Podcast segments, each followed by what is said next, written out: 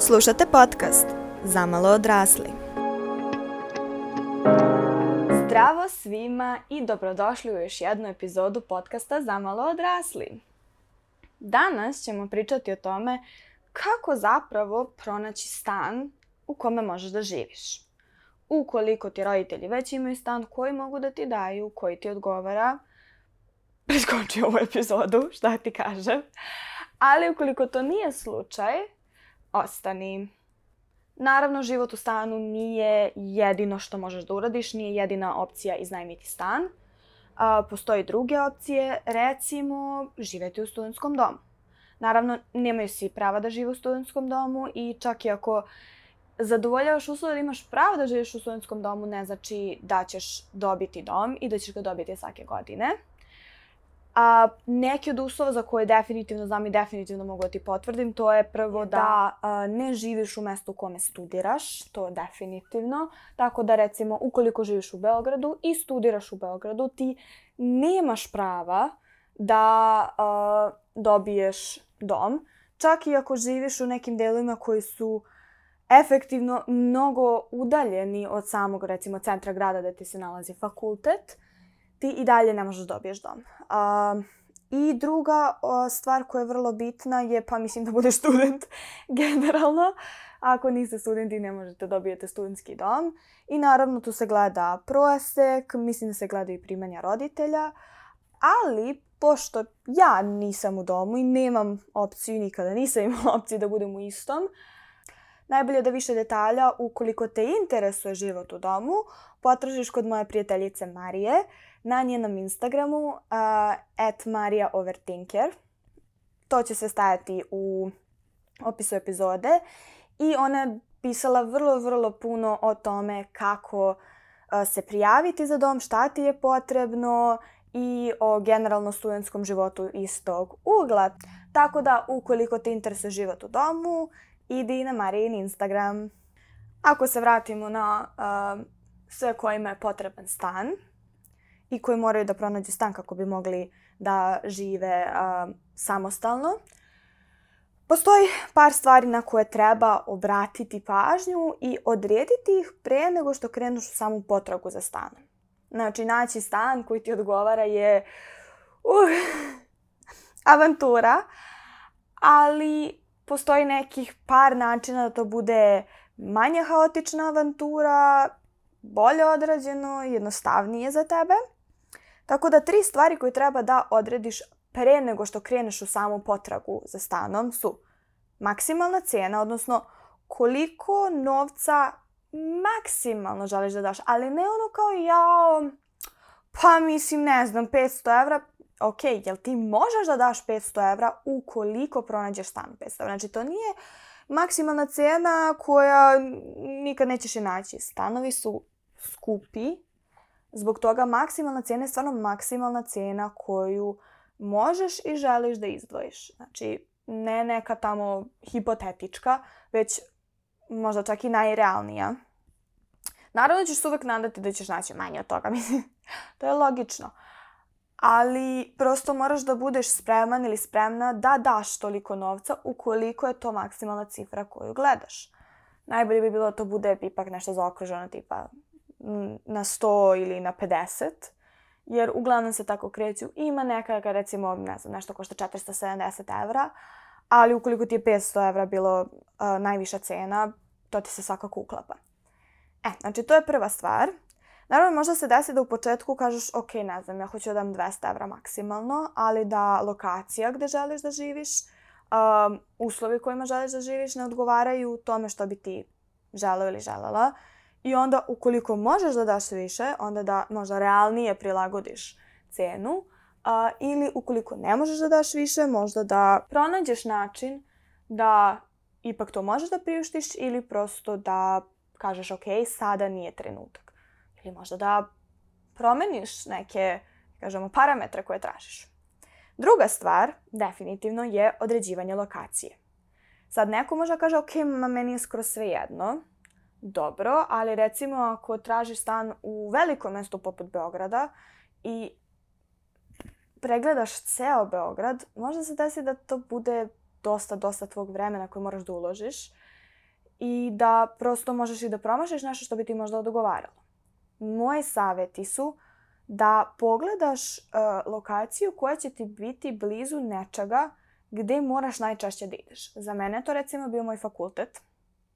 A, do duše, korona imala drugačije planove, a, tako da džabe što sam ja ovaj, blizu fakulteta kada od tri godine koliko sam na fakultetu, dve i po godine smo jedva i nešto išli na isti, ali um, hajde da kažemo da ćeš imati više sreće od mene i da recimo fakultet na koji ako si sad upisao ili upisala, verovatno ćeš ga studirati još najmanje 3-4 plus godine i da ti je to vrlo onako komotno da tu postaviš svoju lokaciju. Tako da recimo ako ideš na, ne znam, uh, poljoprivredni fakultet, nećeš da tražiš stan u centru grada. Zašto bi, kada ti je tu skuplje, a nije ti blizu? Prosto sasvim je normalno da ćeš da pogledaš nešto što je tebi zgodno. Znači, prva opcija je da zaista bude ono na teške udaljenosti od lokacije koja ti najčešće treba. Nekome to nije fakultet, neko ne studira ili neko možda studira, ali ne ide često na fakultet. Prosto tako mu koncipiram fakultet i kazat će, ok, ne, neću tu, nego ću recimo da budem blizu posla, ako ima posao na koji redovno mora da ide. Meni se to ne isplati jer bi to značilo da ja moram da, pa mislim ja idem na različite lokacije, idem u različitim smerovima kada idem na posao, jer držim privatne časove. Meni ne odgovore kao ja ću sad ovde, pa mislim ono, prestanem da držim nekom detetu čas, ops, više mi to ne odgovara. Tako da u tom smislu ja sam se prema fakultetu prosto ravnala. Može se desiti da ti se nalazi fakultet recimo u centru i da ne možeš da priuštiš da živiš u centru. Ne možeš da nađeš stan koji je dovoljno recimo mali ili koji odgovara tvojim uh, željama, a da je blizu recimo tvog, tog mesta na koje najčešće ideš. Um, tu bi sledeći savjet stavila, ok, nije ti blizu kao možeš peške da stigneš dotle, ali hajde da pogledaš koji su delovi grada ili koje su neke zone gde ti imaš dobru povezanost sa tim mestom. Jer nekada može da se desi da ti nešto nije toliko daleko, recimo vazdušnom linijom, ali opet su više daleko da ideš peške i kreneš i pogledaš prevoz, u jednom trenutku shvatiš prosto da, pff, mislim, toliko ti je komplikovano da dođeš dotle, jer je nekako glupav prevoz. Onda ćeš gledati ipak neku drugačiju lokaciju. Znači nešto gde ti imaš jednostavan ili čest prevoz. Recimo nešto što ja nisam znala, to je da je uh, autokomanda super povezana sa Novim Beogradom. I onda, ok, možda na Novom Beogradu ne možeš da nađeš, ali e, vidi, nađeš stan na autokomandi. Mislim, ja ne znam da su tačno skuplji jeftiniji stanovi, toliko se ne razumem. Ali i obrnuto, recimo, ne znam, ideš na fon, pa ti je to tu negde blizu, uh, pa možda ćeš da nađeš stan na Novom Beogradu. Znači, to su nekako uh, razlozi zašto ćeš birati neku lokaciju. Ili ćeš možda reći, ok, nemam ništa gde moram da idem stalno, realno mi ništa nije toliko bitno, možda radiš od kuće, možda ni na faks ne ideš često, možda uopšte ne ideš na faks. Znači, to su neke stvari koje ti najbolje znaš za sebe. I reći ćeš, ok, uzet ću negde dalje od centra grada jer želim da platim manje i nema potrebe. Ili možda ćeš kaže, hej, imam kola, meni ne treba da ja budem toliko blizu jer kolima mogu da stignem za 15 minuta do čega god da mi treba. Znači to sve zavisi od tvog ličnog primjera. Treća stvar na kojoj jako moraš da vodiš računa, to je da ispišeš šta su tebi deal breakers, odnosno šta je tebi nešto što nipošto ne bi prihvatila ili ne bi prihvatila. Recimo, za mene deal breaker je bilo sve što nije centralno grejanje. Prosto imala sam iskustva sa drugačijim grejanjima i prosto sam procenila da to nije nešto sa čime ja želim da se bavim kad živim sama i da želim centralno grejanje. Da li je to možda najpametnija odluka? Ne mora da znači. Ali to je bilo meni značajno. I sad to je nešto, recimo, ako neko ima kola, možda će njemu deal breaker biti da nema gde da parkira. I onda centar grada je no-no ili centar grada ukoliko nema dostupna garaža ili neki parking iza zgrade je no-no. Recimo. Sad, to šta je tebi deal breaker moraš da jako dobro razmisliš uh, i prosto da obratiš važno. Neko recimo ne voli, jako ne voli potkrovlje. Ja nemam ništa protiv potkrovlja, najčešće sam u potkrovlju i živela. Tako da to je vrlo, vrlo specifično. Treba bude jedna do dve stvari koje apsolutno nećeš prihvatiti. I to onda stvarno treba da imaš na umu kada gledaš stanove. Naravno, ukoliko za bilo šta od ovoga, nije sad da ti moraš da prihvatiš, napišeš listu i ono, nikad je ne menjaš. Ukoliko malo duže gledaš stanove, u nekom trenutku možeš da shvatiš, ok, ovo ne funkcioniše ili hm, možda ovo nije toliko strašno ili možda ipak mogu ovako da gledam. To naravno treba biti fleksibilan i treba se prilagođavati, ali prosto da kreneš sa nečim na umu. Znači da ne ideš, da ne cunjaš, da ne lutaš, nego prosto da imaš nešto, neki cilj u glavi. E, sad postavlja se pitanje, ali gde da nađeš stanove? Postoji gumiletina sajtova, tipa ono, četiri zida, nekretnine, a, sigurno ih ima još. Izlistaću ih sve dole u ovaj opisu epizode, prosto da ne morate hvatate beleške. Možete, ali pisat će lepo. Um, tako da, to su sve stranice zvanične na kojima ljudi ostavljaju oglase za svoje stanove.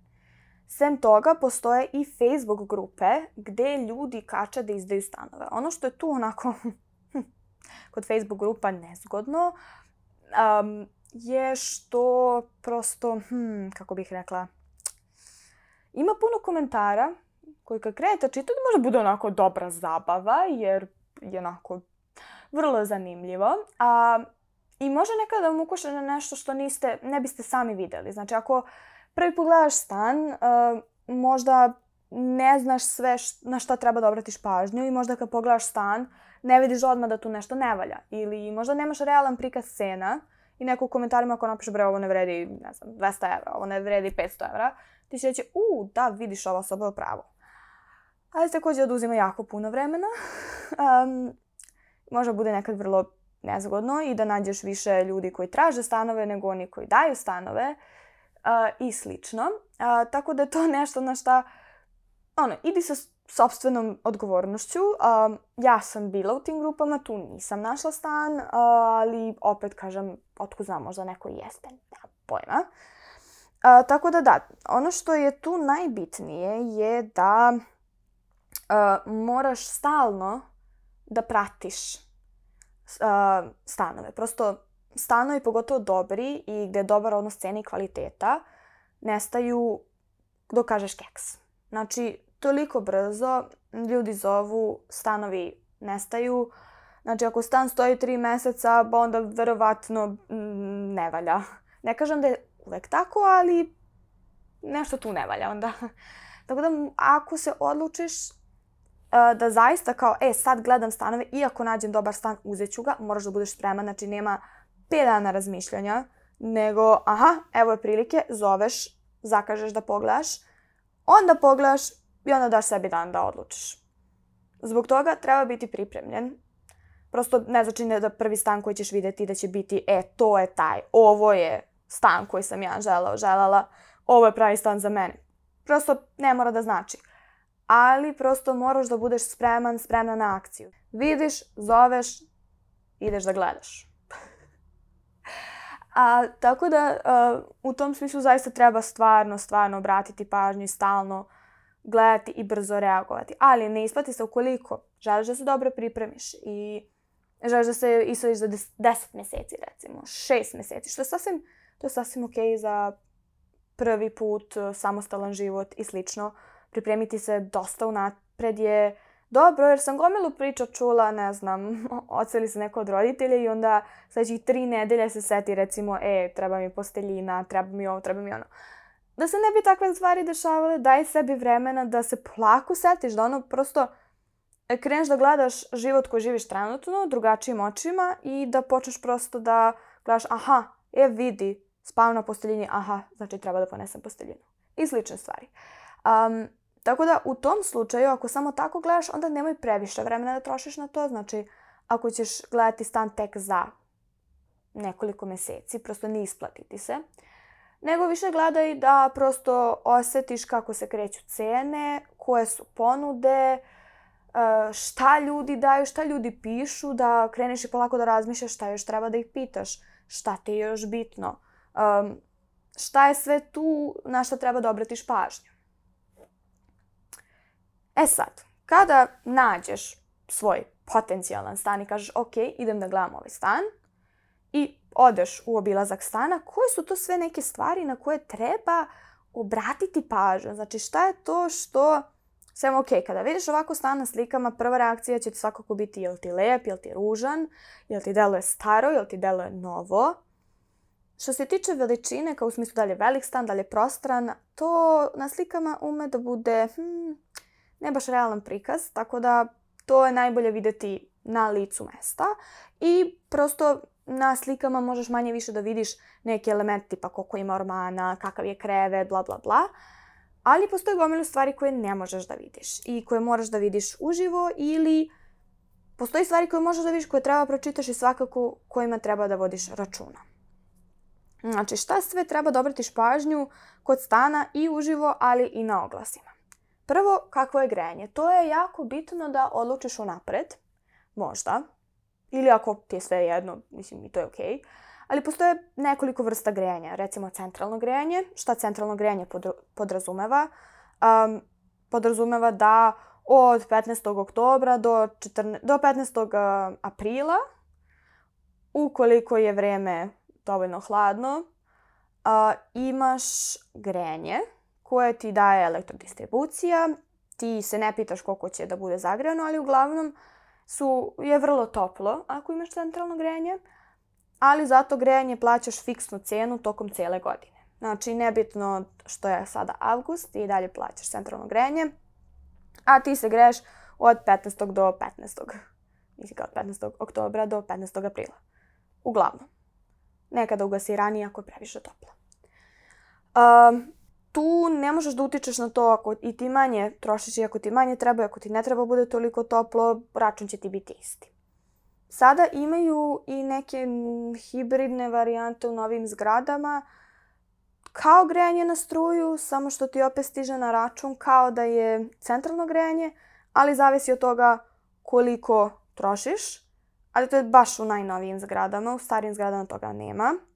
Postoji klasično grejanje na struju gde ti možeš da podesiš kad ćeš da upališ. Opet imaš radijatore, samo što ti podešavaš kad će da bude upaljeno, koliko će da bude upaljeno, koliko će jako da ide. Ali takođe vrlo lako ukoliko ne znaš što da koristiš, možeš da se zezneš i da ti ispadne jako skupo. Tada ti to ide deo računa za struju. I poslednje, tradicionalno, teja peć. Uh, za one koji ne znaju šta je teja peć, to je jedan kao veliki kockasti radijator koji uključiš u struju i onda mu puno treba vremena da se zagre.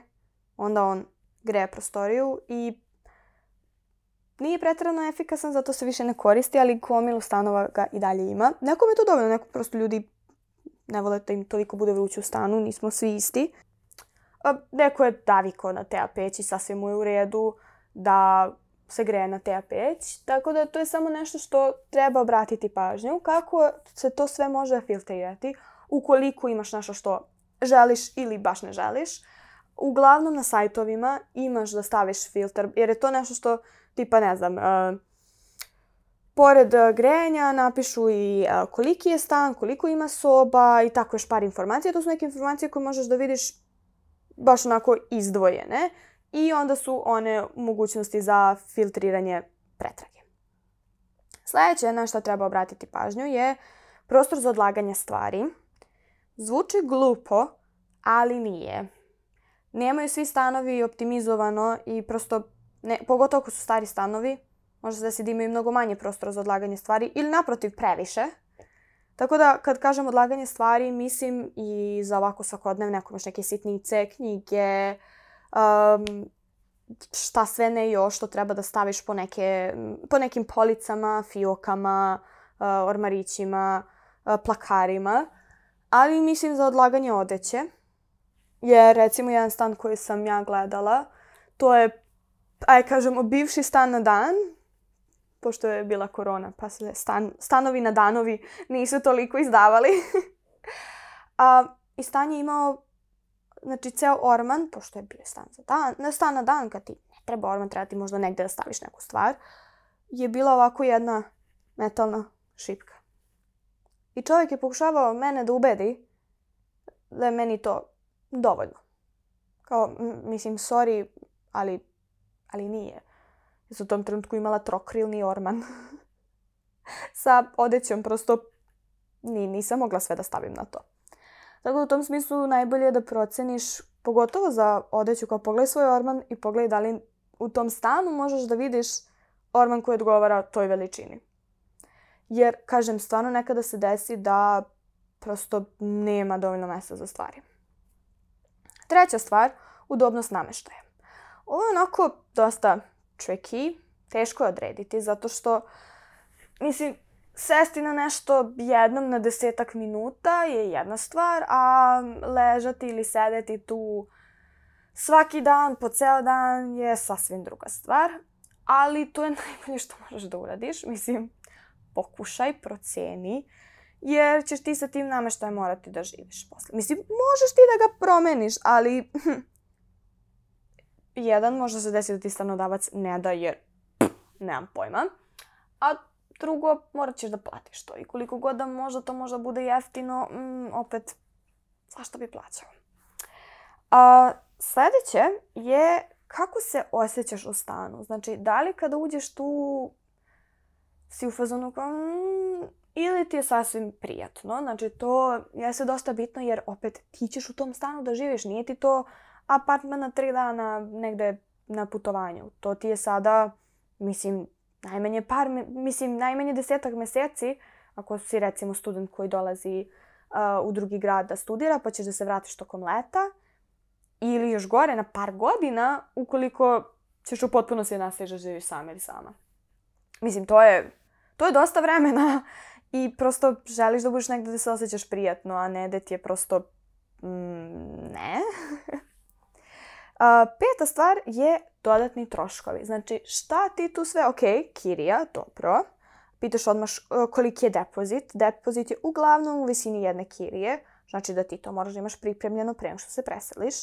Šta još treba da plaćaš? Znači, nekada su računi uračunati u cenu kirije, to, to su takozvane režije, a nekada nisu. I onda prosto pitaš otprilike koliko su računi, jer to može dosta da zavisi. Zavisi od veličine stana, od toga koliko je star stan, da li imaš uh, lift i održavanje lifta koji ulazi u infostan i gomiloš nekih stvari i prosto pitaš, pogotovo što infostan je takav kakav je manje više, mislim svaki mesec, nema tu nekih drastičnih razlika, prosto pitaš. Uh, ukoliko je grejanje na struju, pitaš otprilike koliko su prethodni uh, stanari trošili tokom uh, zimskih meseci na struju. Uh, pitaš da li ima um, ovaj, neki od onih uh, da li, da li imaju ugovor sa nekim od ovaj, provajdera interneta i uh, kablovske televizije, jer to možda ti bude, recimo, ukoliko ne gledaš TV, mm, ok, nećeš svakako sjajan stan odbiti zbog toga što moraš da plaćaš uh, kablovsku, ali svakako treba to uzeti u obzir da ti je to recimo možda 2-3 hiljade skuplje nego što bi ti izašao samo da uzmeš internet, recimo. I slično, znači to moraš da vidiš šta još plaćaš, da li ima još neki dodatni troškovi i da prosto to uračunaš u svoju računicu, jer to će ti doći svaki mesec. Džabe te što je tebi kirija manja, a tebi će doći računi svaki mesec. I poslednje, kakav ti je stanodavac? To je jako bitno jer sam čula gomilu priča stanodavaca iz pakla, bukvalno. I prosto, ok, naravno, ne može da se desi da ćeš ti baš svakoga moći da provališ. Na... Ali ukoliko ti je taj neko već neprijatan na prvu loptu i slično, mm, da li želiš da taj neko ima, praktično kažemo, pa, neku vlast nad tobom, odnosno tome gde živiš, naredni period. Znači, da li je to nešto što želiš i situaciju u kojoj želiš da se dovedeš.